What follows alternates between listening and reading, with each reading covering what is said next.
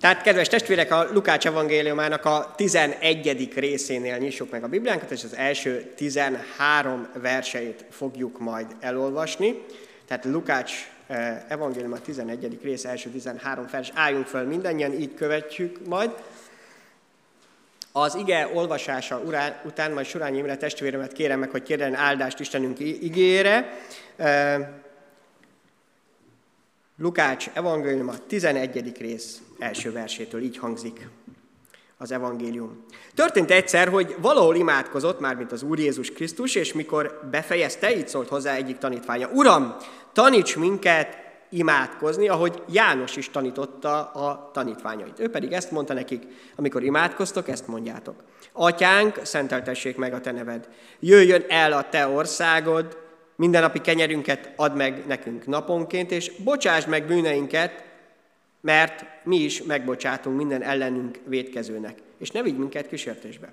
Azután így szólt hozzájuk. Ki az közületek, akinek van egy barátja, és az elmegy hozzá éjfélkor, és ezt mondja neki, barátom, vagy nekem kölcsön három kenyeret, mert útról érkezett egy barátom, és nincs mit elébe tegyek. És így válaszol belülről, hagyjál békén, az ajtó már be van zárva, és velem együtt gyermekeim is ágyban vannak. Nem kelhetek fel, hogy adjak neked.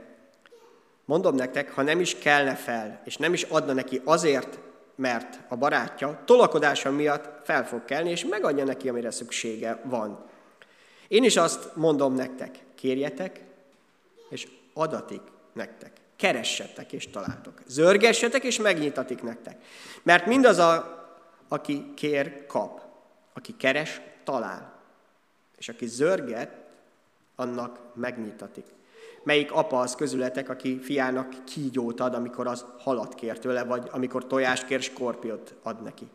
Ha tehát ti gonosz létetekre tudtok gyermekeiteknek jó ajándékokat adni, mennyivel inkább ad mennyei atyátok szent lelket azoknak, akik kérik tőle. Imádkozunk. Nem csak kenyérrel él az ember, hanem minden ígével, Urunk, ami a Te ajkadról származik. Köszönjük, Urunk, a felolvasott és a majdan hirdetendő ígét. Köszönjük, hogy gondolsz ránk. Köszönjük, hogy utat mutatsz nekünk ebben a nagyon-nagyon bűnös világban, ahol helyes döntéseket kell hoznunk, ahol mindig a helyes útra kell lépnünk, és nem elhagyni a Te útmutatásodat. Köszönöm, Uram, a fizikai jegyeket is, amelyek Te rád emlékeztetnek a testélet ígére. Urunk, légy itt velünk, és add, hogy figyel, figyelni tudjunk a Te útmutatásodra. Amen. Foglaljunk helyet, kedves testvéreim! Felszabadító imádság. Vagyis megtanulni Istennel úgy találkozni, beszélgetni, mint ahogyan azt a mennyei atya eltervezte a teremtéstől kezdve. Igaz, hogy ebben a világban a bűn tényleg nagyon sok mindent elrontott, legelőször is ezt, az Istennel való élő és szoros jó kapcsolatunkat. Ez tört meg legelőször, ez vezetett az életünk bukásához, a halálunkhoz is, de Isten nem törődött ebbe bele. Az úrvacsorában arra emlékezünk, hogy Isten nem hagyta ezt annyiba. Egyszer neki a szeretetéből fakadt az, hogy szerette volna, és akarta, és mindent, mindent megtett azért, hogy lehetőség legyen helyreállítani ezt a kapcsolatot. Egy dolgot nem tud megtenni, mert úgy döntött, hogy ő ezt nem teheti meg, hogy nekünk adott lehetőséget arra, hogy erre válaszoljunk. Ezt helyettünk nem fogja megtenni. Ezért vagyunk különleges helyzetben, hogy válaszolhatunk az Isten hívására, mondhatunk igent is, meg nemet is, mindegyiknek meg lesz a következménye, ellenszegülhetünk az Isten tervének, nem foglalkozhatunk az Úr dolgaival, annak is lesz egy következmény az életünkben, és akkor is, hogyha visszatalálunk az atyai házhoz.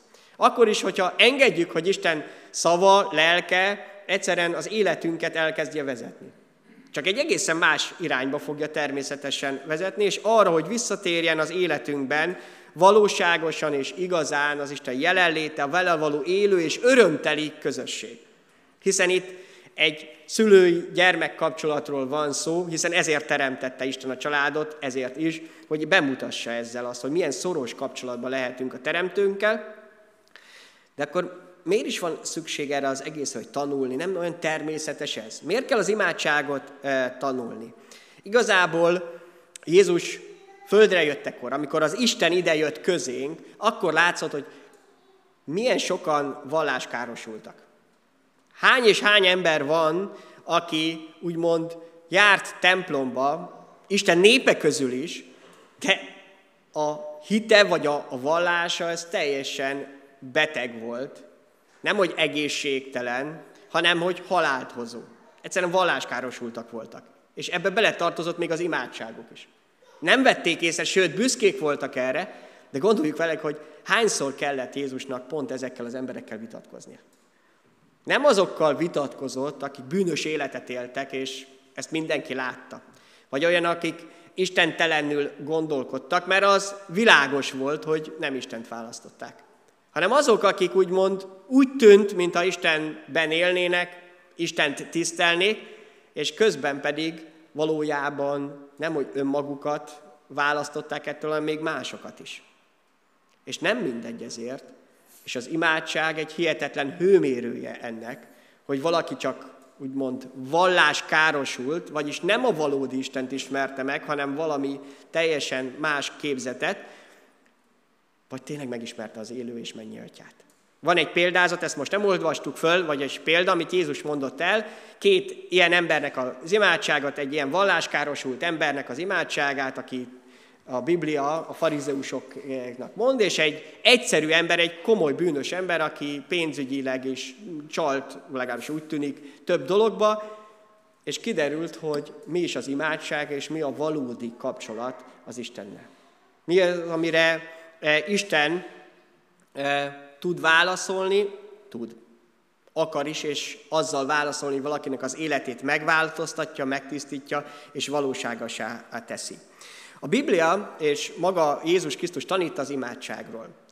A személyes imádságnak van a legnagyobb jelentősége az életünkben.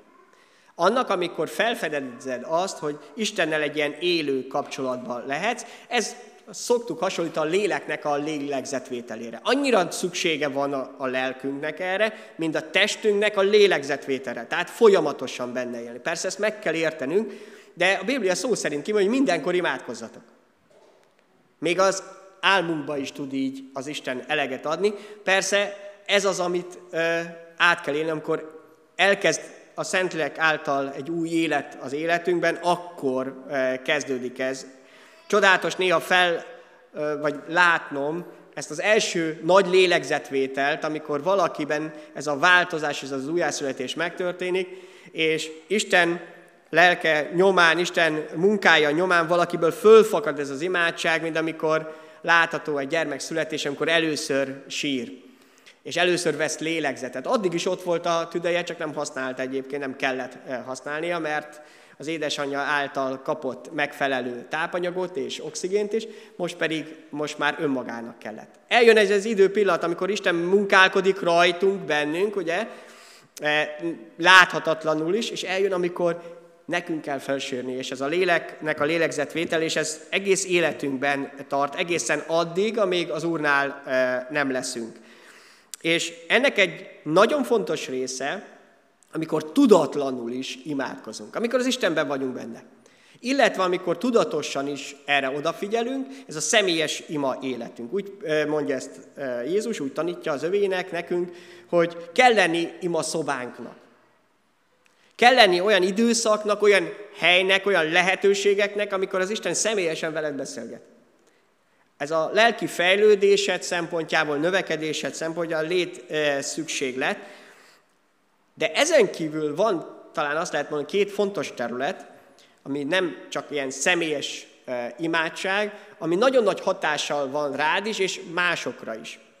És Jézus ezzel kapcsolatban is ezért is tanít nem csak a arra, hogy hogyan imádkozzunk az ima szobánkban, hanem hogy más területen is, hogy hogyan használjuk az imádságot. Az egyik ilyen a szülői vagy nagyszülői imának a jelentősége.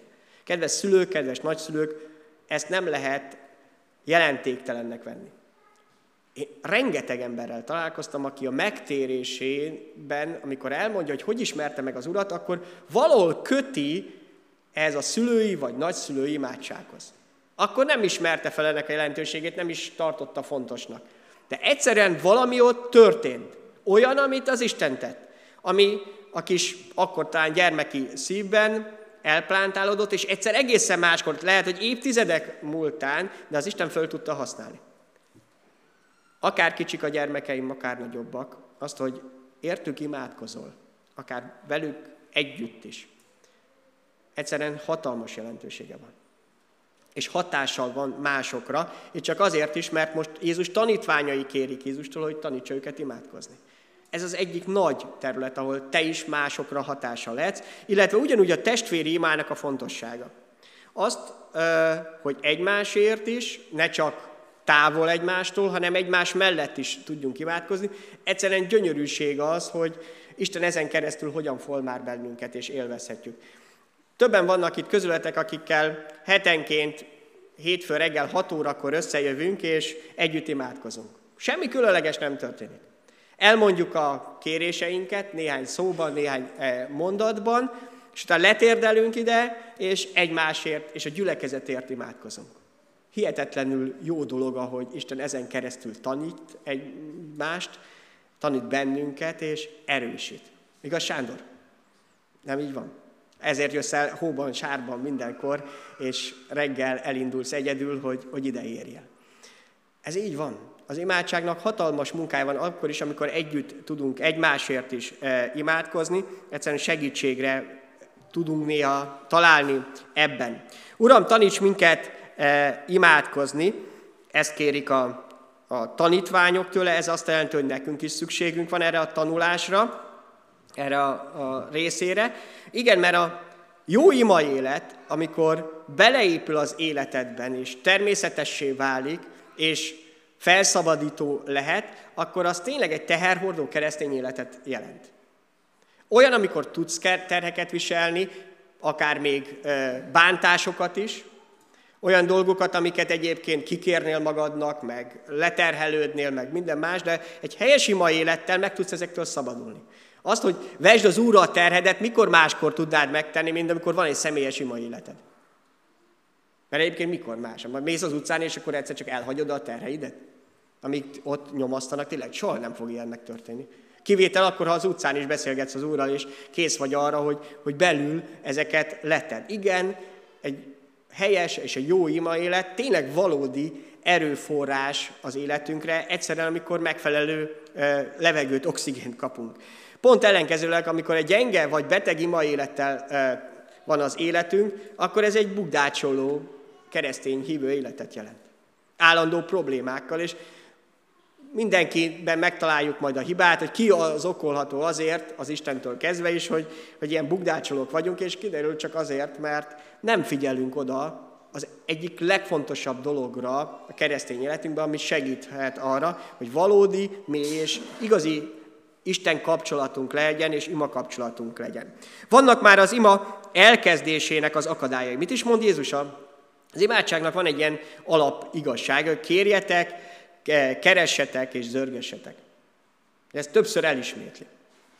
Ez, ezek szerint ez nagyon fontos dolog, illetve alapelve.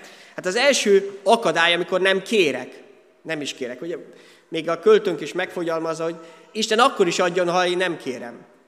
Tehát például a büszkeség elég nagy akadálya annak, hogy egyáltalán elkezdjek imádkozni. Hát Istennek kutya kötelessége segíteni nekem, legalábbis a büszkeségem ezt mondja.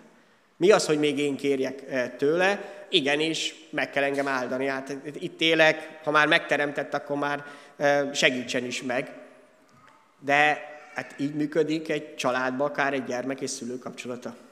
Tényleg egy szülő csak azért van, hogy kiszolgálja a gyermekét?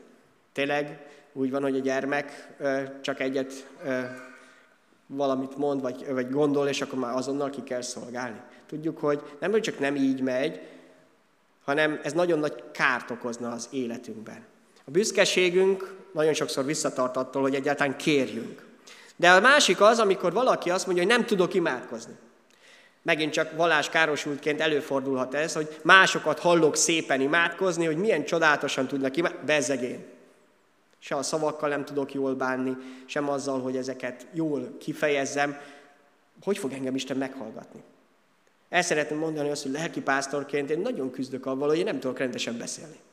Ez volt az egyik nagy problémám, amiatt nem akartam az Úrnak a hívására egyből igent mondani, mert nem is ilyen típusú ember vagyok, nem is erre készültem, és tudom azóta is, hogy ebben komoly nehézségem van. Nekem hihetetlen nehéz volt az elmúlt időszakban, amikor ez a vírus járvány volt, és amikor előre fölvettük az alkalmakat, visszahallgatni önmagamat. Szenvedés volt. Egyszerűen azért, mert akkor már nem azt láttam, hogy Isten mit üzen, hanem azt, hogy milyen ö, hibákat és problémákat vétek, és nagyon-nagyon rossz volt ezt átélni. Míg mindenki mást, ha hallgatok, látom őt, akkor egyszerűen élvezni tudom, hogy Isten mit szól ezen keresztül. Igen, ezek komoly problémák lehetnek, amikor erre figyelünk, akár másokra, és úgy gondoljuk, hogy én nem tudok. Tehát mondja egy ember is, vagy egy gyerek is, hogy én nem tudok lélegezni. Hát van komoly betegség, amikor valaki nem tud lélegezni, és segíteni kell rajta, de alapvetően ez nem egy olyan dolgok, amit meg kell tanulni, ez abból fakad, hogy valaki él. Attól, hogy az Isten elkezdtem benned a munkát, azt jelenti, hogy ha neki van szava hozzád, te is bármikor szólhatsz hozzá. Nincs semmilyen különleges dolog, amit ebben meg kell ismerned, hanem egyszerűen meg kell szólítanod őt. És igen, igazából nincs szükségünk lélegeztetőgépre, amit azt szeretnénk, hogy valaki kapcsoljon rá bennünket, mert akkor majd tudunk rendesen imádkozni. Nem, szükségünk van arra, hogy ebben tényleg ezt a bátorságunk meg legyen. Ne mondogassuk magunknak, ne zárjuk el a kérést sünket attól, hogy azt mondja, nem tudok. Vagy az, hogy nem akarok, illetve nincs kedvem, ez is megakadályoz bennünket abban, hogy egyáltalán kérjünk, és elkezdődön az imádság, ez mindig akkor szokott előfordulni, amikor valami lelki betegség, bűn, valami olyan megfáradás van a szívünkben és a lelkünkben, aminek nem ott van a helye. Egyszerűen annyira leterhel, hogy nem tudunk szinte levegőt sem venni. Gondoljuk el, amikor például a melkasunkat valami annyira szorítja, vagy leszorítanák, és nem tudnánk levegőt venni. Van ilyen. Ugyanez előfordul lelki értelme. Annyira leterhelnek dolgok bennünket, hogy, hogy csak így pihegünk, még azt se tudjuk, és nem is akarok, nincs is kedvem imádkozni. Ez azt mutatja, és figyelj nagyon ezekre a jelekre, amikor nincs kedved imádkozni, nem is akarsz, azt jelenti, hogy most az orvosra van szükséged, mármint a lelkek orvosára. Egyszerűen meg kell gyógyulnod. Le kell, ha olyan bűnök vannak, terhek, le kell tenni, meg kell vallani, meg kell szabadulni tőle, hogy újból egyszerűen az Istennel tudsz beszélgetni. És vigyázzat, amikor ilyen terheid vannak, akkor e- általában pont a kísértő azt mondja, hogy hát most nem is vagy méltó arra, meg nem is akar, kell, hogy imádkozzál, inkább el kell bújni az Isten előtt, mert szégyellem azt, hogy ilyen vagyok. De pont ez a helyzet, amikor oda kell az Istenhez menni. Hát ki más szabadíthattam ezekettől a lelki terhekről? Az ördög nem fog. Az ördög elbújtatni akar, félre tenni téged, mind ahogyan Ádám és Éva esetében ugyanezt történt, bújjatok el, akkor nincs semmi probléma, de hát pont ezzel szakad meg az Istennel való kapcsolatunk, Jézus azt mondja, hogy érted jöttem. Aki meg vagy terhelve, meg vagy fáradva, aki bűnben élsz, aki elbuktál, hogy segítsek és felemeljelek. Pont ekkor van szükséged, minél jobban, amikor nem akarsz, meg nincs kedved. Na akkor van legnagyobb szükséged arra, hogy mégis keres. Mégis megszólítsd az Urat. Mégis kimond az ő nevét, és segítségül hívd az ő nevét. És aztán ott van az a mindennapos problémánk, hogy nincs időm. Nincs időm nekem imádkozni. Annyi fontos dolgom van. Dolgozok reggeltől estig, meg a családommal is kell lenni, meg egyébként is akkor már ki is kell kapcsolódnom, ott az az a sorozat, amit meg kell néznem, meg egyébként, és hát egyszerűen szükségem van még a pihenésre. Ez mind-mind igaz. Isten ne tudná, hogy neked szükséged van pihenésre. Hát ő mondta azt, hogy hat napon áll dolgoz utána, meg még pihenjél is, mert egyszerűen nem működik az, hogy éjjel-nappal dolgozni fogsz. Egyszerűen nem tőle való dolog kell hálát adni és örülni annak, amit eh, elvégeztél, amikor nincs időd imádkozni, akkor figyelj arra, hogy valami fontosabb lett, mint az Isten. A Biblia ezt nagyon érdekes képpel, ezt most már nem annyira használjuk, fejezik ki, valami bálvány került az életedbe.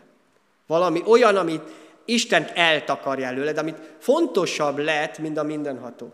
És igen, erre vigyázni kell, mert attól választ el téged, hogy Isten szeretette, jelenléte, a vele való élő közösség megerősítsen napról napra, percről percre. És igen, ez a te döntésed. Ilyenkor kell szemben, szemben nézni azzal, hogy mi került oda közém és Isten közé. Mi az, ami eltakarja előttem Isten szeretetét, és nem vágyodom arra, és nem is osztom be úgy az időmet és az energiámat, hogy legyen időm imádkozni, vagyis hogy egyáltalán keressem az Urat. Még csak az, hogy keressem. Még ha csak annyi, hogy ö, így kérjek ö, tőle, hogy utána tudjon válaszolni, egyáltalán a, úgymond a, a kéréstől. És Istennek van hatalma arra, hogy ezeket a bálványokat, amik eltakarják valódban az Istennek a szeretetét, kegyelmét le tudja dönteni. De szükségünk is van rá. Amíg ehhez ragaszkodsz, addig nem fogod átélni azt a felszabadító imádságot, amit egyébként Isten pont a vele való kapcsolatban meg akar adni. Nem egy lehetőségként, szükségünk van rá. Csak így tudsz Isten szolgájaként, Isten terhordó gyermekeként az ő országát jól építeni. És hát miért kell tanulni imádkozni? Már úgy érintettük ezt a dolgot, hiszen lélegezni nem kell tanulni. Ez félig meddig igaz. Önmagában a spontán légzésre nincs szükségünk, de amikor terheket hordunk, vagy nehézségeket, vagy akár egy sportoló például nagy dolgokat kell, hogy a légzésére is figyelve, egyszerűen azt meg kell tanulni, úgymond helyesen lélegezni. Vannak dolgok, amikor erőteljesebb vagy nagyobb dolgokat kell megtennünk, akkor még a légzést is egyébként rendesen tanulni be kell. Ha nem, akkor nem tudjuk az, azokat elvégezni majd. Persze csak egy példa ebbe. Az, az imádságban ez sokkal inkább valóságos, hogy néhány dolog elválaszt bennünket attól, hogy tényleg tudjunk jól kérni az Úrtól. Már nem csak az, hogy elkezdeni egyáltalán kérni, hanem hogy tudjunk keresni is. Az, amikor valami rosszul épült be a lelkemben, akár az Istennel kapcsolatban valami eh, téves gondolkodás, és egyszerűen változásra lenne szükségem. Ekkor egyszerűen tanulnom kell imádkozni. Mindig, amikor beidegződik valamit, megtanulunk, de rosszul tanulunk meg, akkor abban nem tudunk tovább fejlődni, megakadunk. Egyszerűen le kell építeni, és föl kell építeni egy újat, ami, ami jól fog működni. Na, ezért van szükség néha, hogyha rossz dolog akad be az imádságnál, és olyan, ami nem hogy segítene az Istennel való élő kapcsolatban, hanem inkább ilyen sablonossá teszi, vagy olyanná, ami, ami nem élő, akkor azt le kell építeni, észre kell venni, hogy utána tényleg tudjak imádkozni. Na, ilyenkor tanulnom kell. A tanítványok valami ilyet éltek át. Gondoljátok, egész gyerekkorukban tanultak imádkozni. Zsoltárokat ismertek kívülről. Onnan tudjuk, hogy együtt énekelték Jézussal. Ott van lent Bibliában. Nem az volt a baj, hogy ne ismertek volna imádságokat, ne gyerekkoruktól fogva ezt tanulták volna. Mindegyik. És mégis most azt mondják Jézusnak, hogy taníts imádkozni. Rájöttek arra, hogy valami rossz beakadt az életükbe. Valamit nem jól értettek meg az imádságból. Szükségük van arra, hogy megtanulják azt a felszabadító imádságot, amit Jézus életében láttak. Amit hallottak tőle. Hogy is kell? Történt egyszer, hogy valahol imádkozott, és amikor befejezte. Akkor átélték ezt, hogy Isten jelenléte valóságos lehet az imádságban, magában Jézus Krisztus életében is átformál, nekik is szükségük van erre. És ilyen, amikor próbálunk, vagy imádkozunk, de rossz indítékok vannak ott a szívünkben. Szeretném, ha kivetítenétek majd a Jakab levele negyedik rész, második, harmadik versét. Ez egy gyülekezetnek szóló uh, ige, amelyet Jakab ír akkor, illetve a Szentlélek most nekünk is üzen hogy milyen rossz indíték, Kett, negyedik rész, második, mondjuk ez is jó innen kezdve. Honnan vannak viszályok, harcok közöttetek, nem a tagjaitokban dúló önző kívánságok okozzák el. Figyeljetek, ott vannak az indítékaink, gyülekezetről beszélünk, és a lelkünk hozzáállásáról, azt mondja, kívántok valamit, nem kapjátok meg. Öltök és irigykedtek, de nem tudtok célt érni. Harcoltok és viszálykodtok, de nem kapjátok meg, mert nem kéritek. Ez az egyik pár. Vagy ha kéritek is, nem kapjátok meg, rosszul kéritek, csupán az élvezeteitekre akarjátok azt eltékozolni. Milyen döbbenetes, nekünk mondja. Nem a világnak, akik nem is ismerték az Urat, vagy azt se tudják, hogy kérni kellene, hanem akik kérhetnénk egyáltalán Isten segítségét és erejét, az ő világosságát és szeretetét, ezzel foglal, folytatódik egyébként utána, hogy Isten valódi bölcsessége és békessége milyen is lehet az életünkben, vagy nem is kérjük, mert olyan helyzetben vagyunk, és nem gyó, akarunk meggyógyulni belőle, vagy ha kérjük, akkor is ez egészen önző dolgaink vannak belőle. Egészen rossz indítékokkal ö, járulunk oda, de hogy lehet ezeket felismerni, hogy rosszul kérünk? Csupán erre az élvezetekre szeretnénk ö, pazarolni.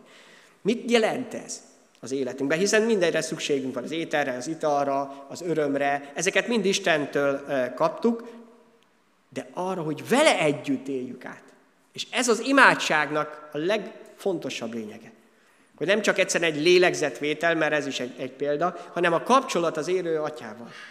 Hogy megismerjem őt egyre jobban, az ő tervét, az ő akaratát, mindazt, amit ő elkészített. És csak egy kis példán szeretném elmondani ezt, hogy az Isten való kapcsolatban nagyon fontos pont ez az imádságon keresztül, hogy megértsem az ő akaratát. Van egy jó barátom, egy volt igazgató, iskolai igazgató, és azt mondta, hogy ő nagyon jól gyakorolja a tanári karban a véleménycserét. Ez úgy működik náluk, hogy a pedagógus bejön hozzá az ő véleményével, és kimegy utána az igazgató véleményével, és megtörtént a véleménycsere. Ez persze csak egy ilyen dolog, amit ha jól elsajátít valaki, tényleg meg tudja győzni másikat, de amíg ez embereknél nagyon negatív is lehet, az Isten országában pont erről lenne szó. Hogy az imádságban odamész a te akaratoddal, a te elképzeléseiddel, és amikor a lélek átformál, akkor rájössz arra, hogy, hogy mennyivel többet akar adni neked az Isten. És tovább tudsz menni az ő akaratával, mindazzal, amit neked készített. Tehát nem véletlen azt, hogy ez benne van abban az imádságban, amit Jézus mond, hogy ez az ország, ez a, az ő neve és az ő akarata is az életünkben valósággá váljon. Hogy tényleg Isten át tudjon bennünket formálni. És hogy az, hogy Jézus nevében kérünk valamit, pont ezt jelenti. Jézus nevében csak akkor tudok kérni bármit is, hogyha tudom, hogy mit akar Jézus. Hogyha megbeszéltem vele. Hagytam időt arra, hogy tudjon velem beszélgetni, mi az ő akarata. És ott van a, ebben a kérdésben még a zörgetés. Miért kell egyáltalán zörgetni? Egy picit itt félreértjük megint néha ezt, hiszen ö, olyan, mint a zörgetés csak arról lenne szó, hogy nagyon sokszor és ö, sokféleképpen elmondjuk azt, amit szeretnénk kérni. És itt nagy a kérdés, hogy most akkor zaklassuk Istent, vagy ne zaklassuk, szabad-e zaklatni, vagy, vagy nem szabad. Itt szeretnénk megérteni nagy különbséget. Máté Evangélium a 6. rész 7., 8., 9. versét légy vetítsétek ki. Máté 6, 7, 8, 9. Amit Jézus mond az imádságról. Amikor imádkoztok, figyeljetek, ne szaporítsátok a szót. Mint a pogányok, akik azt gondolják, hogy et miatt a bőbeszűdésségükért hallgattatnak meg.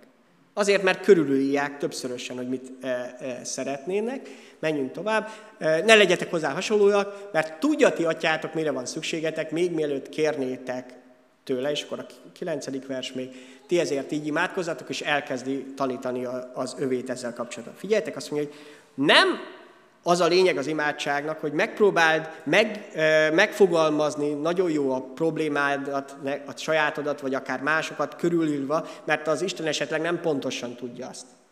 Nem ismeri a körülményeket, és sokszor magam is mondom, hogy tudod, Uram, és akkor elkezdem elmesélni neki, hogy, hogy miről is van szó, hát ha mégsem tudja. Igaz, hogy azt mondtam, hogy tudom, de, de hát ha mégsem. De azt mondja, hogy nem miatt fog meghallgatni, pontosan tudja azt, hogy miről van szó. Mi a dolgunk, vagy, vagy éppen mi van másokkal, akikért szeretnénk imádkozni. De akkor miért tanít most Jézus arról, hogy mégiscsak úgymond zörgetni kell? egy ilyen példát, és nem az egyetlen példa erre, mert a hamis bíró példázatában ugyanerről tanít, hogy, hogy érdemes, hogy újra és újra oda menni és emlékeztetni valakit, az Istent is. Azt vegyük észre, hogy itt nem arról van szó, hogy körbejárom és leírom és megosztom az érzésemet, hanem pontosan, amikor az Istenhez jövök az imádságomban, magam előtt tisztázok, hogy tényleg én mit is szeretnék.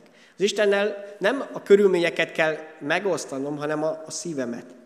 Hogy mi, a, mi az, amit én szeretnék, mi a szívemnek a vágya, mi az, amit elé akarok vinni, hogy utána megismerjem az ő akaratát. És ez viszont szükség van, még ha röviden is, valamiért, de újból és újból oda menni az Istenre, hogy kiderüljön, hogy te tényleg valamit mélyen szeretnél-e, vagy sem. Vagy csak egyszerűen úgymond imádkoztál érte. Ha tényleg azt szeretnéd, hogy valakivel történjen valaki, akkor újból és újból oda mész az Isten elé, és ha csak egy úgymond időben, egy fél mondattal is, de oda viszed az Istenre, mert szeretnéd. És ez az, ami Isten előtt nagyon fontos. Nem az Istent kell meggyőzni, hogy segítsen, hanem az a kérdés, hogy te mennyire akarsz akár változni, akár a magad életében változás hozni, vagy másoknak az életében. És ez az odaszánásodat mutatja. Ez a zörgetés erről szól, hogy mennyire szánod magadat. Azt mondja, ne adjátok ezt fel. Nem attól függ, hogy milyen hosszan, vagy milyen szépen imádkozok, hanem az, hogy kész vagyok-e az Istentől várni, tőle a mennyei atyámtól várni a segítséget. Újból egészen addig, amíg nem válaszol. Még a mennyben is azt olvassuk, hogy azok a lelkek, akik ott vannak, ezt kérdezik az Úrtól. Mikor, Uram? És ez nem leterhelő az Istennek, hanem arra tanít újból és újból, hogy igen, ennek helye van. Az egyiknek nincs, az, hogy azt higgyük, hogy nekünk kell megmagyarázni Istennek a helyzetet, arra viszont igen, hogy újból és újból elmondjuk azt, hogy bennünket mi foglalkoztat, ami az igazán a szívünk közelébe van. Hogy Isten tudjon azáltal is formálni és tanítani bennünket. Miért is van erre szükség? Ma reggel kaptam egy tálat, hát le kell majd vinni. Többen megismeritek, ez a gyülekezetünknek az egyik lábasa, igaz? Egyébként nagyon jó, mert már régóta használjuk, ilyen rozsdamentes acélból van, még majdnem a, az asztalra is ki lehet tenni, nem kell másba áttenni valamit, és olyan szépen lehet merni. Hát már sokszor használtuk, akár ételosztásra, akár gyülekezeti dolgokra. És hát igen, egy ilyen edény az nagyon praktikus, el tudjuk mondani minden dolgát. Ott van, még ha nem is ekkora talán mindegyikünk családjában, ha bár vannak itt akkora családok is, hogy szükséges ekkora is, de hát azért látszik, hogy edény, edény, elmagasztalhatjuk minden, de hát valami mégiscsak hiányzik belőle. Igaz? Hát a lényeg, amiért az edény van. Üres. Hát lehet itt gyönyörködni benne, meg nézegetni, de akkor is üres. Önmagában azt mondjuk, egy edény azért van, hogy főzzünk benne. Nem azért, hogy kiállítási tár legyen. Szokott lenni, tudjátok, amikor régészek megtalálják és kiállítják. Tehát egy edény nem azért van, hogy kiállítási tár legyen, vagy hogy üres legyen, hanem hogy ott legyen benne az étel. Az életünk ilyen csoda. Kaptunk egy testet, kaptunk egy edényt az Istentől. Így beszél Isten erről az életünkről is. És azt mondja, nem mindegy, hogy mivel lesz tele. Mivel töltjük ezt meg?